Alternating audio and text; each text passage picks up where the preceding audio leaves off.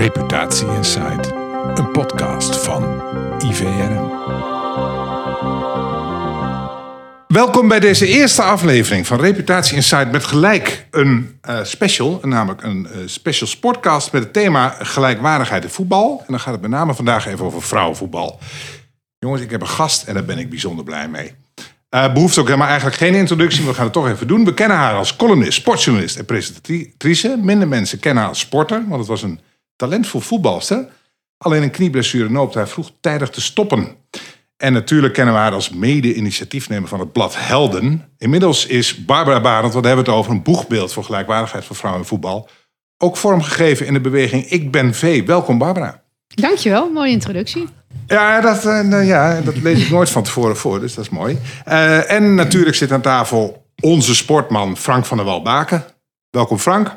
Welkom en uh, ik vind het ook bijzonder leuk en eervol om samen met Barbara hier rond de tafel te zitten. Ja, we moeten het niet te klef maken, want ze kennen elkaar veel te goed. Mensen heb ik net gezien. Nou, ja, maar niet uit. Uh, nou, de sportwereld is... Uh, kijk, de echte liefhebbers in de sport, die kennen elkaar. Ja, dat is, dat is, een, dat is natuurlijk... Een nee, maar we hebben leuke dingen meegemaakt... en waar we ons denk ik wel in verenigen. Ik kan me nog wel eens een keer een reis in Sochi uh, herinneren dat wij samen ook wel tegen de gevestigde orde of tegen grote namen in durven gaan. Als we iets vinden, vinden we het. En dan gaan we niet een andere mening verkondigen. En wij zaten een keer, kan ik me in een busrit, enorm op één lijn. Ik weet niet of jij het nog weet. Ja. En toen dacht ik, oh heerlijk. Want uh, iedereen ging uh, bepaalde mensen napraten. Maar toen kwamen Frank en Barbara om de hoek.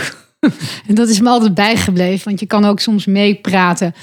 Hè? Omdat uh, nou eenmaal de sponsors dat allemaal vinden en graag willen horen. Dus dat vind ik altijd wel leuk aan Frank. Nou, dat is altijd wel lekker. Dus het wordt wel een leuke podcast, denk ik. Uh, even, ik, ik ben V. Kun je dat heel even uitleggen? Want dat vond ik wel heel leuk om, uh, om ja. over te lezen. Ja, ik ben V. V staat voor voetbal, staat voor vrouwen, staat voor versnelling, staat voor verandering. Uh, ik heb als meisje uh, gevoetbald. Uh, toen ik zes was, wilde ik op voetbal. Toen mocht het nog niet. Was het medisch onverantwoord. voor een jonge meid van zes. Jongens mochten wel voetballen, maar meiden pas vanaf hun achtste. Ik wilde graag op voetbal en hebben toen de KNVB gedaagd. Ik heb zelf mijn verweer toen gevoerd, want ik kon al redelijk goed praten. Nou, het is uiteindelijk niet tot een rechtszaak gekomen, want de KNVB heeft de reglementen veranderd. Dus uh, kleine Barbara mocht voetballen. Hebben een fantastische tijd gehad. Toen bij de jongens gespeeld, want er waren geen meidenteams. Maar er was toen nog, ik droomde er altijd van om naar Ajax te gaan. En uh, mijn teamgenoten gingen ieder jaar naar Ajax. Maar die brief kwam natuurlijk nooit op mijn deurmat. Ik lag daar dagen in april op die deurmat te wachten. Maar die kwam niet. Nou, dat had ik op een gegeven moment ook wel door dat die niet kwam. Inmiddels is er heel veel veranderd. Is er vrouwenvoetbal bij Ajax? Uh, zijn we Europees kampioen tweede van de wereld met de, met de Leeuwinnen? Maar kwam ik er toch achter toen mijn dochter op voetbal ging, dat er ook nog dingen niet veranderd waren. En dat er toch nog steeds ongelijkheid is in voetbal. En als je daar dan induikt en hoort dat best wel een groot aantal profspeelsters, of ze nou voor Herenveen of voor Feyenoord spelen, met een onkostenvergoeding van een paar honderd euro naar huis gaan. Of sommigen zelfs helemaal niets krijgen. Dan denk ik, nou, dat is toch best bijzonder vandaag de dag als er zoveel geld in sport omgaat. Maar als ik dan op het amateurniveau kijk, dat ik zie dat meidenteams in plaats van acht kinderen, veertien kinderen in hun team hebben. Dat er iedere week een scheidsrechter is voor de jongens. Maar de meiden moeten de ouders fluiten. Dat er voor de jongens altijd trainers zijn en de meiden de ouders moeten trainen. Te en dan hebben we het over topvoetbal. Nee, heb ik het over amateurvoetbal. Oh, okay. Heb ik gewoon als mijn dochter of zoon op voetbal gaat, dat mijn zoon. Ja, ik bedoel eigenlijk selectievoetbal versus nee, helemaal sport, niet. Nee, breedte sport. Dus breedte sport, okay. ja, mijn, mijn zoon zat uh, vorig jaar in de HFC onder 11 10 en mijn dochter zat in de onder 11 1. En bij mijn zoontje was iedere week een scheidsrechter, een jongetje in opleiding, heel leuk. En bij mijn dochter uh, nooit. Dus ik ging een keer naar de scheidsrechterstafel van de Koninklijke HFC. En ik zei: Kom voor de scheidsrechter van de meiden onder 11 1. Nou, mevrouw Barend, u weet toch dat u niet is dat u dat zelf moet doen? Dus ik zei, uh, oh, dat is toch best wel gek. Nou, daar geeft mevrouw Barend echt wel gelijk in. En toen was het ook meteen geregeld, hè, als je dat ook zegt. Maar je ziet dat, dat er ook een bepaalde acceptatie is. Hè? Dat we dat allemaal accepteren. Nou, al die dingen bij elkaar. En toen ik ook van talentvolle meiden hoorde... dat ze afhankelijk zijn van de grillen van een club. Mag ik wel in de selectie? Mag ik in het eerste team of niet? Moet van club veranderen? Toen bemerkte ik dat er gewoon nog best wel veel ongelijkheid is. En toen ja, kwam eigenlijk het idee om een beweging te starten met meerdere partijen waar mensen bij. Welke partijen zijn het eigenlijk? Die zich nou, ik heb uh, met Women Inc. Die is onze kennispartner. Nou, Women Inc. is natuurlijk de bewezen partij als het gaat om gender equality uh, op het gebied van uh, inkomenskloof. nou, als er ongelijkheid is, nou, Women Inc. gevraagd willen jullie aansluiten. En die hebben twee fantastische onderzoeken gedaan die begin juli gepubliceerd worden. Eén is heel interessant over representatie in de media van voetbal voor vrouwen en voetbal voor mannen. Ja. Wat voor taalgebruik, ehm, eh, hoe, hoe beelden we letterlijk eh, vrouwen en mannen af? Wat zit er voor verschil in en wat voor een signaal geven we daarmee? Want beeldvorming is enorm belangrijk. Hoeveel zendtijd is er? Eh, hoe vaak wordt vrouwenvoetbal, eredivisie besproken in bepaalde kranten, vrouwen en ten opzichte van mannen? Ja, dat geeft bijna een lachwekkend, hilarisch beeld. Want het is dus ook iets wat in ons systeem zit, waar waarschijnlijk wij, die daarover nadenken, ons ook allemaal schuldig gaan maken. Eh, ons taalgebruik bijvoorbeeld, of afbeelding van vrouwen. Het is een prachtig rapport geworden. En ook de geldstromen heeft eh, ING, of heeft ING, sorry, heeft de Women Inc. eh, eh, ING is een van de partijen die ook eh, Ja. nu zich bij ons aan heeft gesloten. Die geldstromen in voetbal in kaart brengen. Om te laten zien hoeveel on- onevenredig veel er nog naar de mannen gaat. En hoe weinig er nog naar de vrouwen gaat. Nou, dat is een partij. Dan heb ik een creatieve partij. En vervolgens heeft Azerion, de hoofdsponsor van de vrouwen, zich aangesloten. Vriendenloterij, grote donatie. Maar grote partijen, eh, eh, grote sportsponsors, steeds meer willen met ons samenwerken. En dat is ook wel leuk, want nou ja, waarom is dat V eh, ongelijkheid in voetbal? Ik denk dat voetbal metafoor is voor de maatschappij. Want Ja. iedereen voetbalt. Dat, eh, Iedereen is betrokken bij voetbal. Ja. En ik denk als we het bij voetbal oplossen, volgt de maatschappij. En het leuke is, als wij die onderzoeken nu al delen met grote merken, sponsormanagers, dat iedereen naar huis gaat s'avonds denkt, hmm, hoe doe ik dat thuis? Hoe doe ik dat in bedrijf? Hoe is mijn representatie op mijn eigen website? Gaan allemaal kijken, oh, dat is ook bijzonder. Ik beeld vrouwen heel anders af dan mannen. Waarom doe ik dat?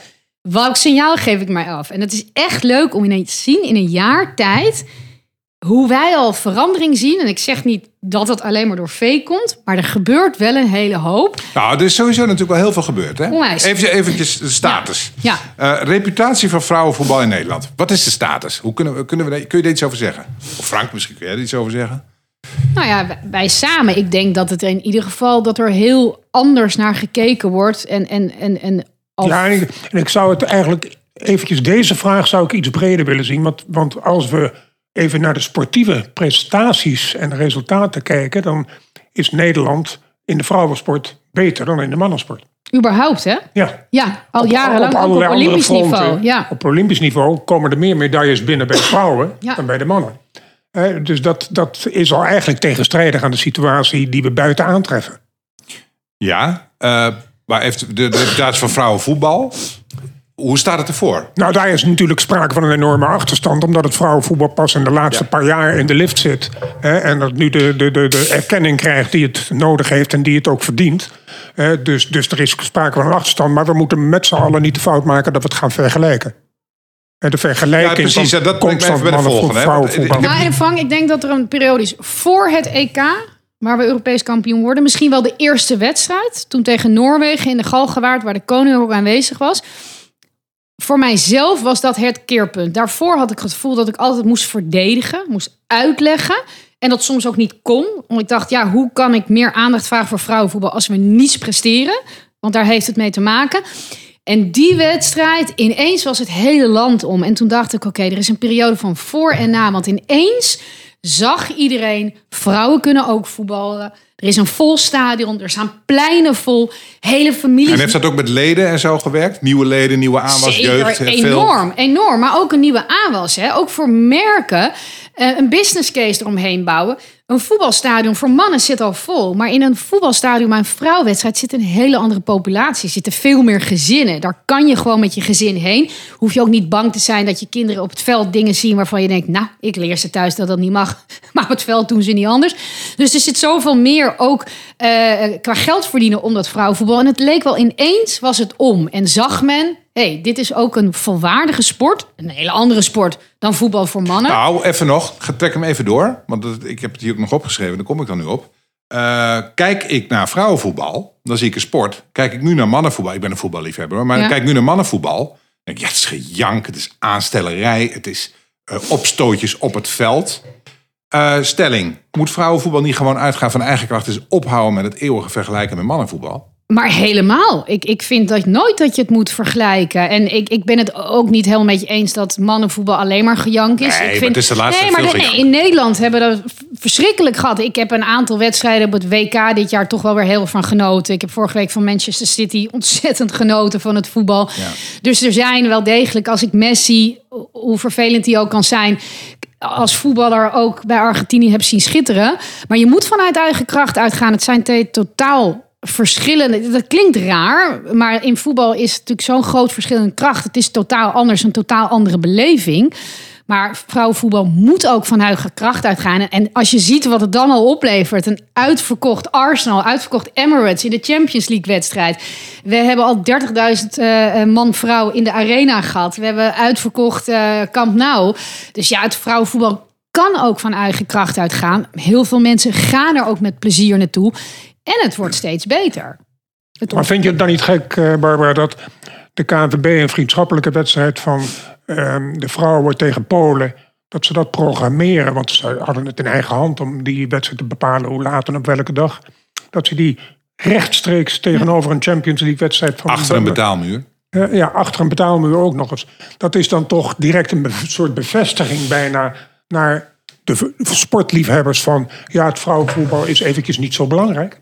Ja, weet je, eh, dat, dat snap ik dat je daar verontwaardigd over bent. En ik moet dan meteen denken dat jaren geleden was er een oefenwedstrijd van Bayern tegen Barcelona notabene.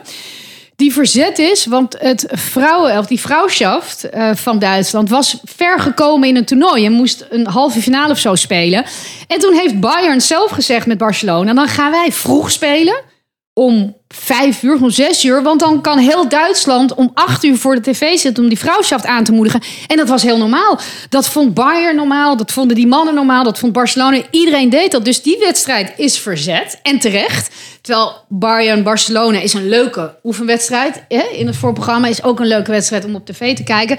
Dus ja, in Duitsland zijn ze daar dan al veel verder mee. Want ze dachten, nee, we moeten met z'n allen eh, zoveel mogelijk mensen moeten we onze vrouwen aanmoedigen. Dus die mannen Ja. gaan eerder. En dat lijkt me een hele logische gedachte. En zeker in, een, in aanloop naar een WK, waar Nederland nu mee bezig is. Onder leiding van de nieuwe bondscoach is het interessant om zo'n wedstrijd tegen Polen te zien. Dus het is handiger als er wat meer mensen naar kijken. En Zeker ook met het In hoeverre heeft eh, geholpen dat je noemde net de Galgenwaard, de openingswedstrijd van het EK Ja. tegen Noorwegen.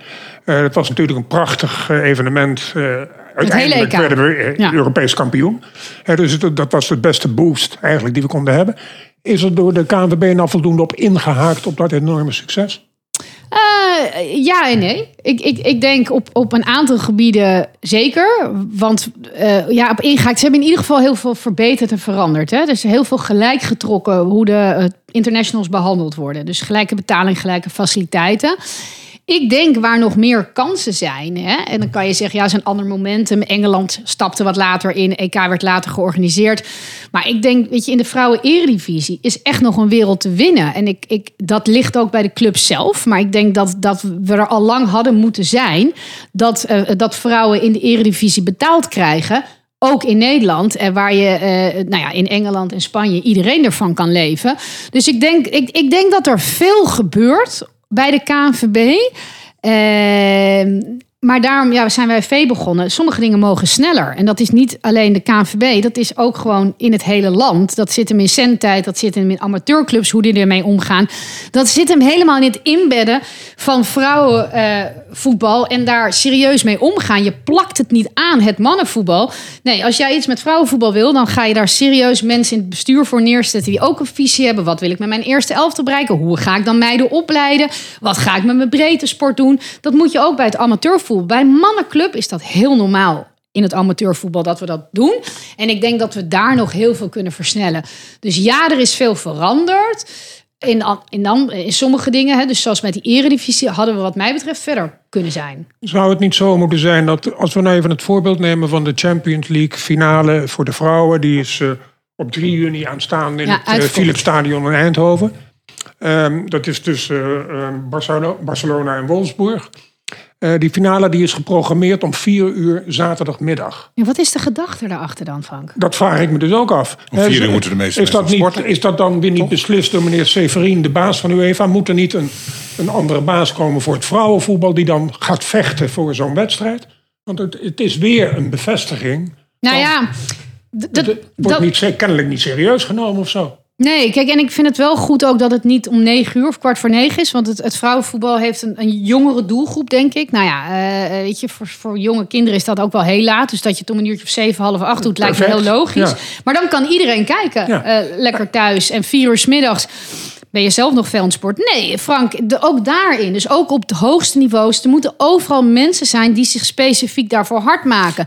Heel lang heeft natuurlijk ook het vrouwenvoetbal onder amateurvoetbal gehangen bij de KNVB. Nu, eindelijk, per september, gaat bijvoorbeeld ook de Eredivisie onder de BVO's hangen. Hè? Is dat ook naar betaald voetbal gegaan?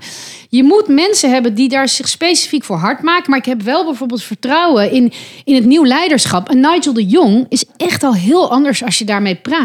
Hoe die naar voetbal kijkt. Die kijkt naar voetbal.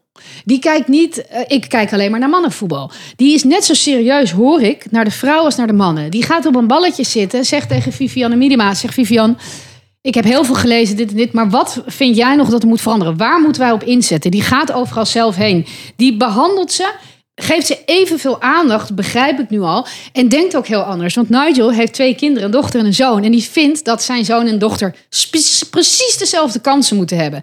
Dus je ziet ook al daarin nieuw Maar leiderschap. waarom, waarom is er dan niet een van de vele sportprogramma's op televisie... die Nigel de Jong eens een keer uitnodigt om uit te laten leggen van Ik hoe het hij zeggen, ik zie staat? je nooit meer volgens mij. Nou, ik denk dat dat nu mee te maken heeft dat hij zelf net begonnen is. Hè? Dat hij even wil beginnen. Het was natuurlijk, men vond het een gekke keus bij de KNVB. Eh, Weinig ervaring. Nou, ik ken Nigel al heel lang. Hij is een hele intelligente jongen. Die als hij niet gevoetbald had, een iets makkelijkere thuissituatie had gehad. Gewoon het gymnasium had doorlopen. Heeft uiteindelijk HAVO gedaan. Heeft zijn hele leven gestudeerd. Hele, eh, komt uit een heel goed nest. Goed opgevoed door zijn moeder. Heeft heel veel gezien. Heeft heel veel belangrijke studies gevolgd. Hij heeft alleen nog niet veel praktijkervaring. Dus ik denk dat het een keuze van Nigel ook is, even is. Om heel even te beginnen. Maar dat is een goede. Ook, ook hier, ik zou hem uitnodigen. Ik denk dat Nigel een hele visie heeft op hoe vrouwenvoetbal hoe je daarmee om moet gaan, wat hij daarmee wil, wat voor kansen daarvoor moeten zijn. Dus ja, het behoeft op al die gebieden nieuw leiderschap. En Frank, ik denk op heel veel van die grote instituten, UEFA, FIFA, zitten nog gewoon oude traditionele mannen. En jij bent Maar misschien... deze week zijn Nee, nee. er heel veel berichten in de media. Tenminste, ik hoor ze steeds, Radio 1.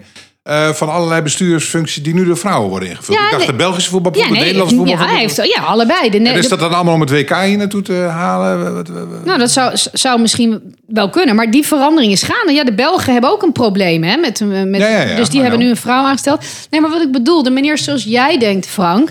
eh, jij kijkt ook niet. Ik bedoel, jij kijkt gewoon naar sporters, je kijkt naar mensen, je kijkt naar prestaties. Maar je bent niet dat je denkt, nou, die vrouwtjes die voetballen. Zo heb jij nooit gedacht. Maar heel veel mannen van jouw leeftijd denken natuurlijk nog wel zo.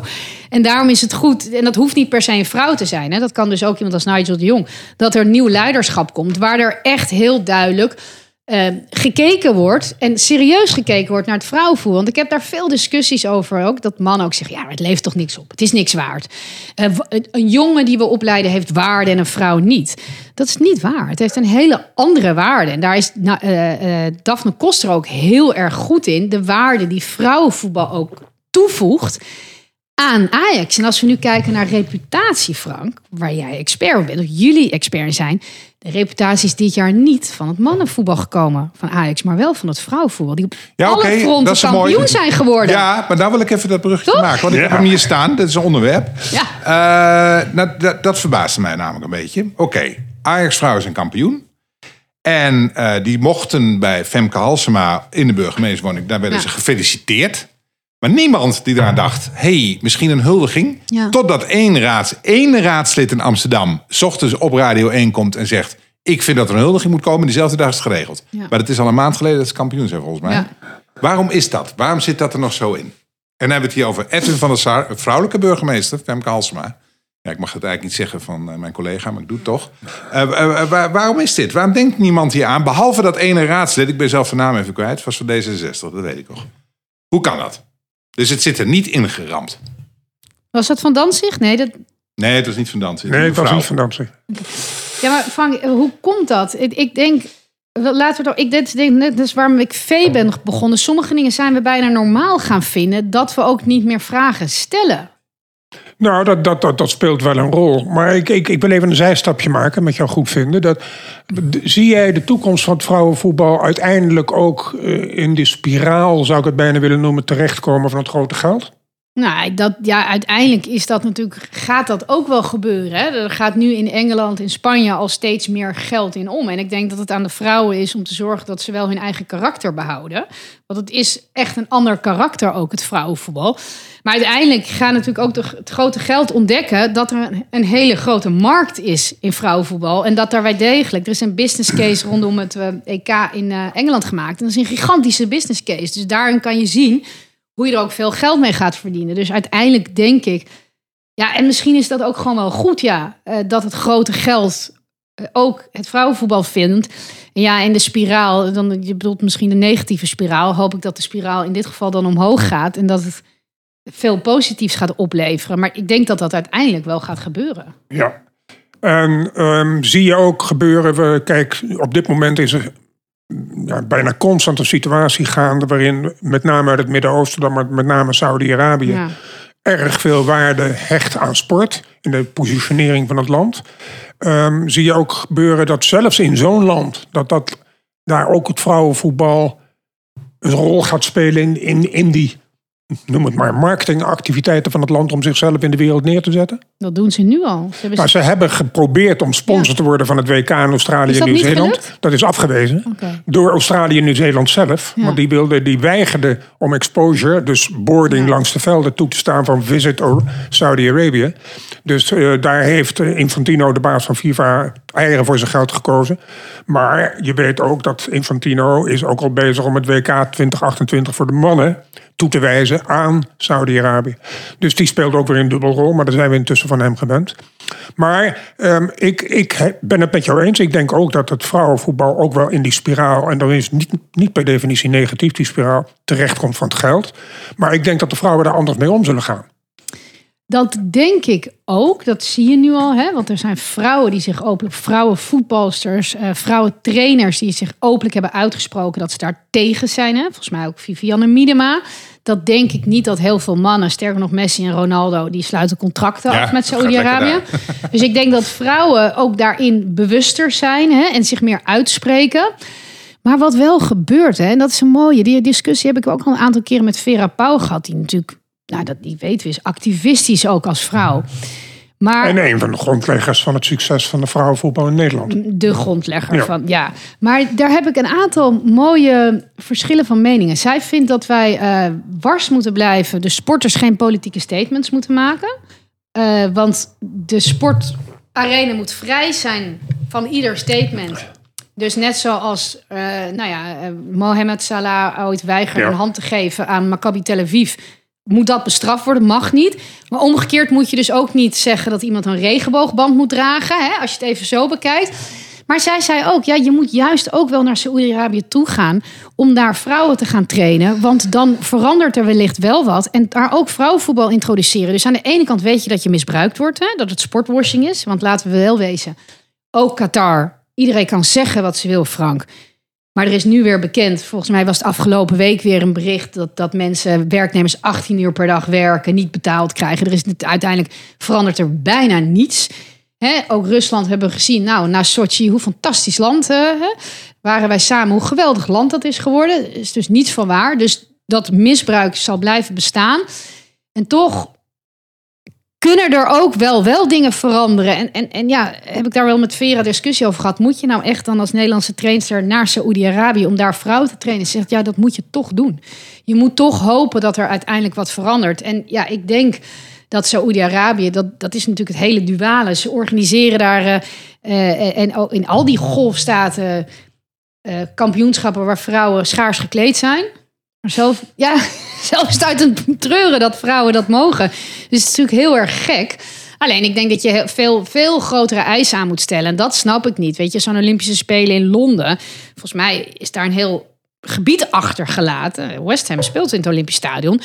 om terug te geven aan de lokale bevolking. Zijn hele programma's waardoor Londen de Olympische Spelen kreeg om de jeugd daar te helpen te versterken.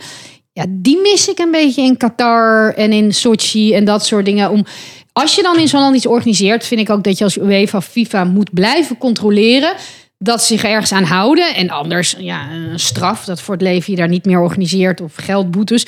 Maar zomaar ergens weer erin tuinen en daar een kampioenschap organiseren lijkt me heel lastig. En ik vrees met grote vrezen zo'n WK voetbal in Saudi-Arabië. Het is, ja, het is verschrikkelijk. Maar Qatar ging het wel aardig, toch? Ja, even, Wat los, ging even los van de hele ellende eromheen. Maar nou, het, het, het kampioenschap op zichzelf. Ja, maar wat? Natuurlijk is het een fantastisch kampioenschap. Maar is het nu... Heeft het een bijdrage Ja, maar mag je nu als je Qatarees bent homoseksueel zijn? Ja, maar kijk, dat is dan weer, dat is een beetje onze. eh, Nee, dat weet ik. Maar ik Gedachte, blijf het toch Zij wel denken daar belangrijk natuurlijk vinden. wel wat anders ja, oké, maar ik blijf dat toch belangrijk vinden. En hebben werknemers betere omstandigheden? Als was vorige week volgens mij in Trouw of in Volkskrant. Dat die arbeidsomstandigheden niks veranderd zijn. Wat zou er gebeurd zijn, Barbara? Wat, denk jij? Als ehm eh, Virgil van Dijk, als captain van het Nederlands Oranje elftal, als hij wel erop had gestaan om die aanvoerdersband te, te dragen, de One Love band. Wat zou er gebeurd zijn? Hij zou een gele kaart hebben gekregen. Ja, en, had, ja, en dan zou En wat als de andere captains van de Europese teams dat ook zouden hebben gedaan? Dan zou toch de, de hele wereld zou ze dan in een soort protest zijn geweest? Of ben ik nou naïef? Nee, ik denk ook. Ik denk dat als ze het met z'n allen hadden afgesloten, of alle, met z'n allen hadden besloten, misschien wel zeggen: jongens, we doen niet één, we doen elf mensen zo'n band om. Want wie ga je dan op het veld afsturen? Hè? eh, zoals bijvoorbeeld ook wel eens voor gelijke betaling hebben de, de speelsters eh, van, ehm, eh, eh, volgens mij in, in, in, denk in Noorwegen en in Denemarken gestaakt. Zijn gewoon niet gaan voetballen. En uiteindelijk hebben ze daar iets mee afgedwongen. Als je het met z'n allen doet. Ik geloof daar wel in. Alleen, Frank, ik ben toch een beetje van mening veranderd. Ik heb achteraf, dacht ik, we hadden die hele One Love actie. Daar hadden we de sporters niet mee moeten belasten. En ik zal je uitleggen waarom. Als we in eigen land het niet eens voor elkaar krijgen om iedereen zo'n band te laten dragen, laten we dan eerst kijken in Nederland wat we eraan kunnen doen. Dat we allemaal zo'n band dragen. En dat we hier spreekkoren en alles gaan uitbannen. Nu hebben wij gehoopt in Qatar een statement te kunnen maken. Nou, dat is finaal mislukt. Ja. En ik, soms snap ik ook wel eens dat, ik, dat sporters het moeilijk vinden. Kijk, ik zou dat graag willen dat je een statement maakt. En sommigen zijn er. Marcus Rashford is daar bijvoorbeeld heel goed in. Ja. Eh, Tony Kroos volgens mij. Manuel Neuer, die droeg al eh, vorige EK een regenboogband op, op eigen initiatief. Terwijl die ineens wist of mocht. Laat die het doen. Maar om het... Ik weet niet uiteindelijk of we er goed aan hebben gedaan. En het ging op een gegeven moment, ik, inclusief mijzelf hoor, want ik vond het heel belangrijk, alleen nog maar daarover. Ik denk dat we eerst moeten zorgen dat we het ook in eigen land goed regelen. En dat we het veel meer op politiek niveau moeten afdwingen. Wat ik aan aanfluiten vind, is dat we toch weer op Infantino gestemd hebben. En ik vind dat we veel meer op hoog politiek niveau in bonden. En eh, echt in de politiek en, en koningshuis, dat we daar veel meer moeten gaan afdwingen. Dan dat we En zou het bedrijfsleven niet wel moeten afdwingen? Sponsors?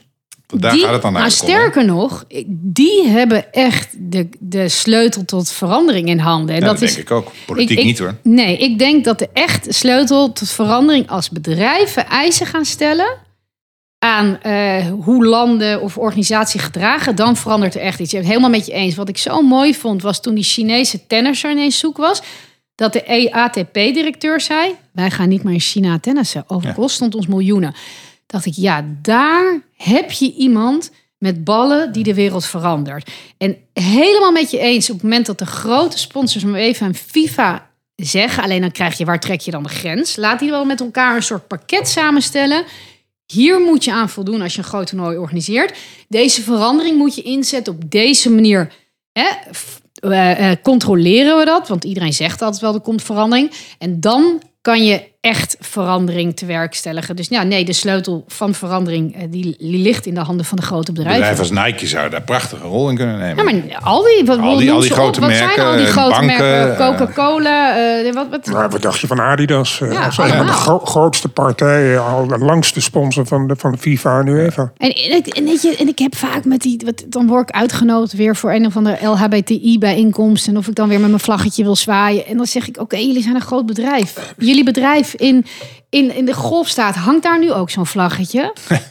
Ja, maar het hele systeem, de, de- de- hele, het hele systeem waardoor Infantino is eh, herkozen zonder tegenkandidaat, Ja. wat je net terecht al zei, dat deugt natuurlijk niet. En het heeft alles te maken met dat one country, one vote systeem. Ja. De kleine landjes in Afrika hebben net zoveel stemmen als Engeland en Duitsland als grote voetballanden. Ja. Eh, dus, dus dat hele systeem moet op de schop. En dan hebben we misschien de hoop, of in ieder geval de kans, dat er een leider komt die iets andere inzichten heeft. En dan zeg ik iets tussen aanhalingstekens.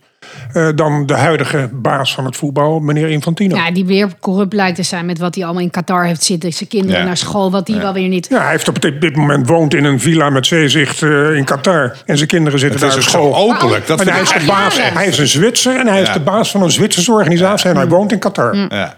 Maar goed, eh, als je het nou hebt hè, over eh, ehm, eh, sport. Ik denk dat sport, eh, dat zei Mandela natuurlijk ook heeft, has the power to change the world. Maar daar samen mee merken met grote dingen die er op dit moment in de wereld spelen. Ja, als je het nou hebt over verantwoordelijkheid pakken.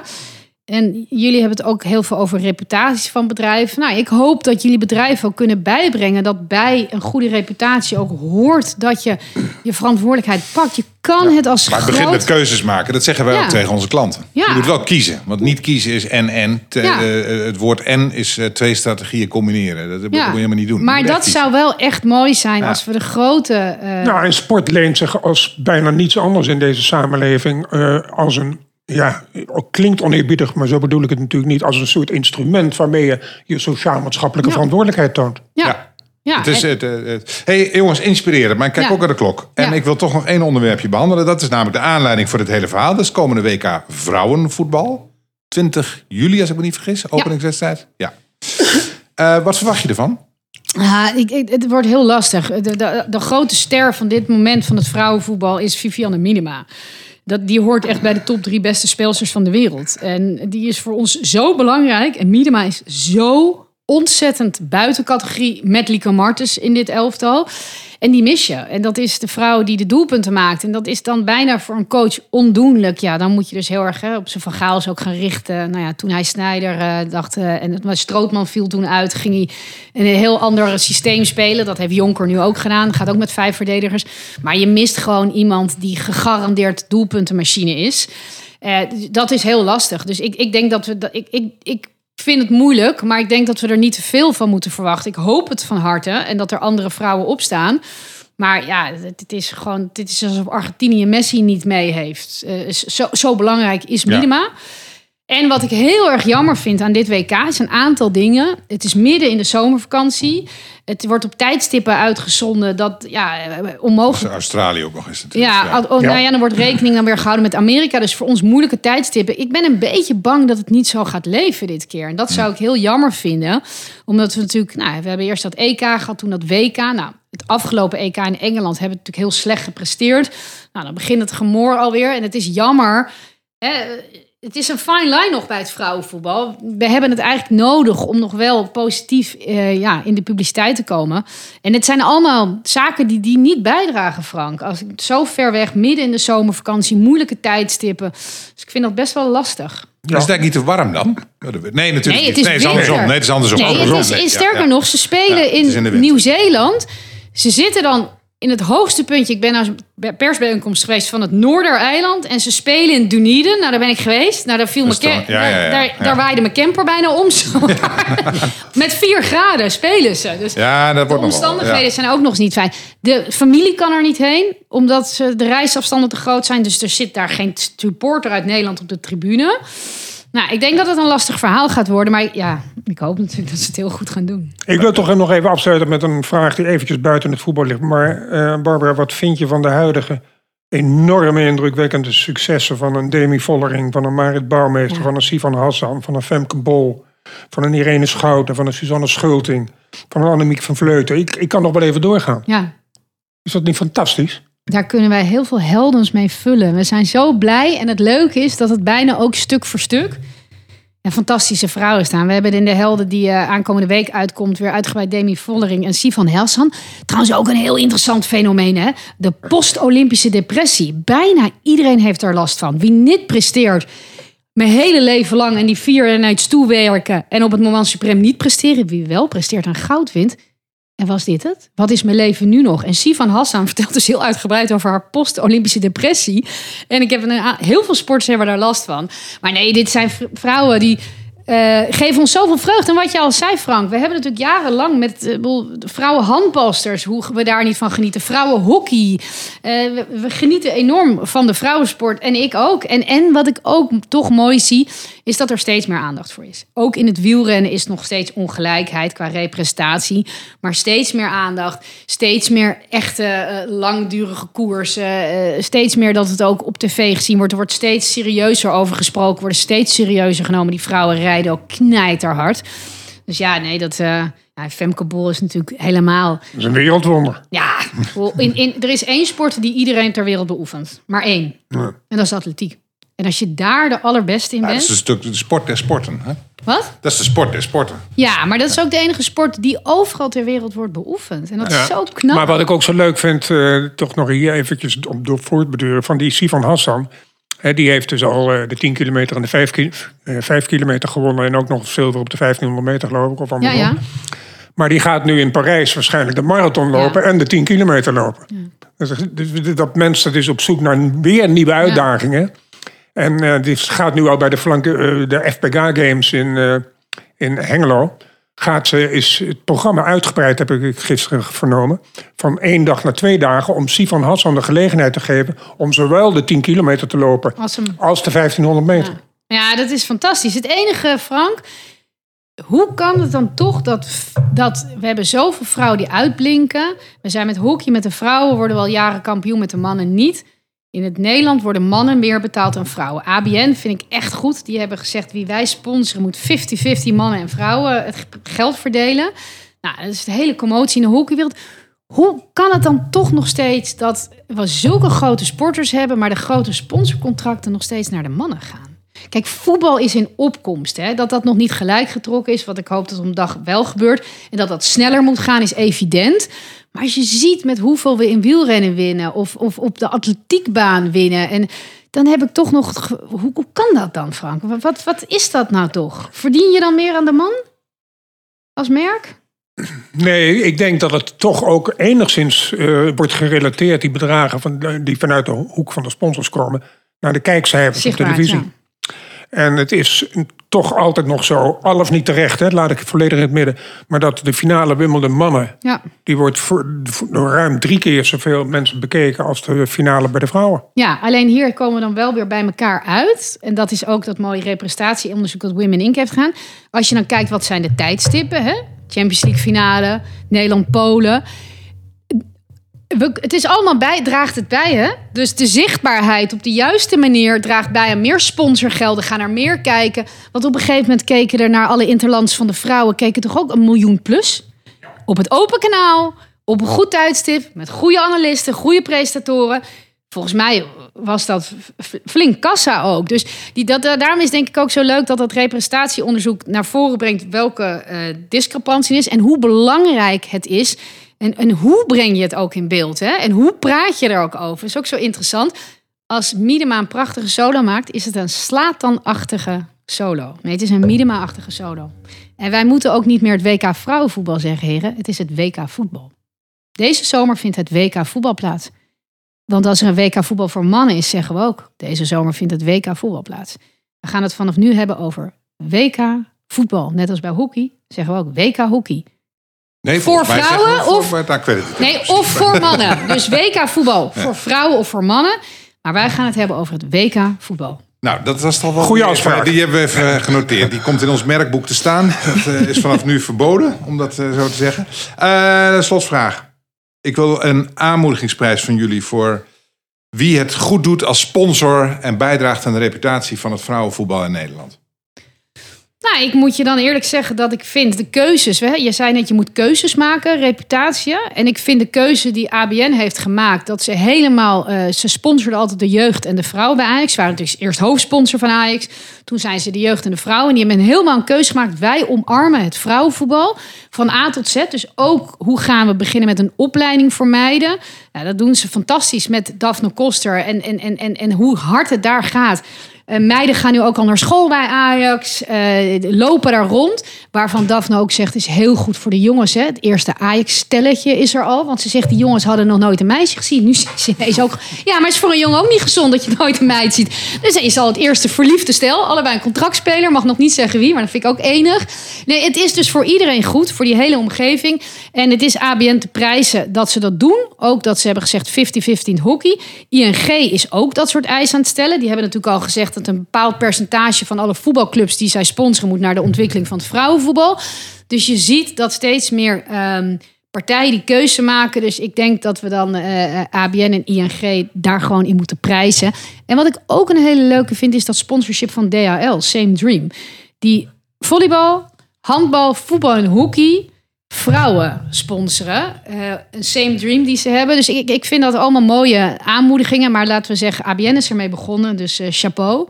En nu zie je dat veel meer mensen volgen om daar echt een keuze in te maken. Omdat ze gewoon gelijkheid willen. Ja, heel goed. Ik vind het wel een mooie afsluiting. Ja, een hele goede afsluiting. Nou, laten we het daarmee houden. Dankjewel. Graag gedaan. Dankbaar.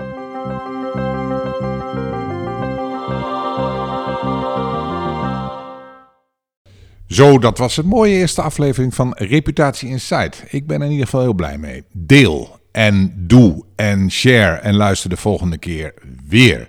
Nog even een speciale vermelding mensen. Audiodesign, het nieuwe audiodesign, is van Niels de Jong, een collega van me. Deze podcast was van eh, IVRM Reputatie. Tot de volgende keer. Dag.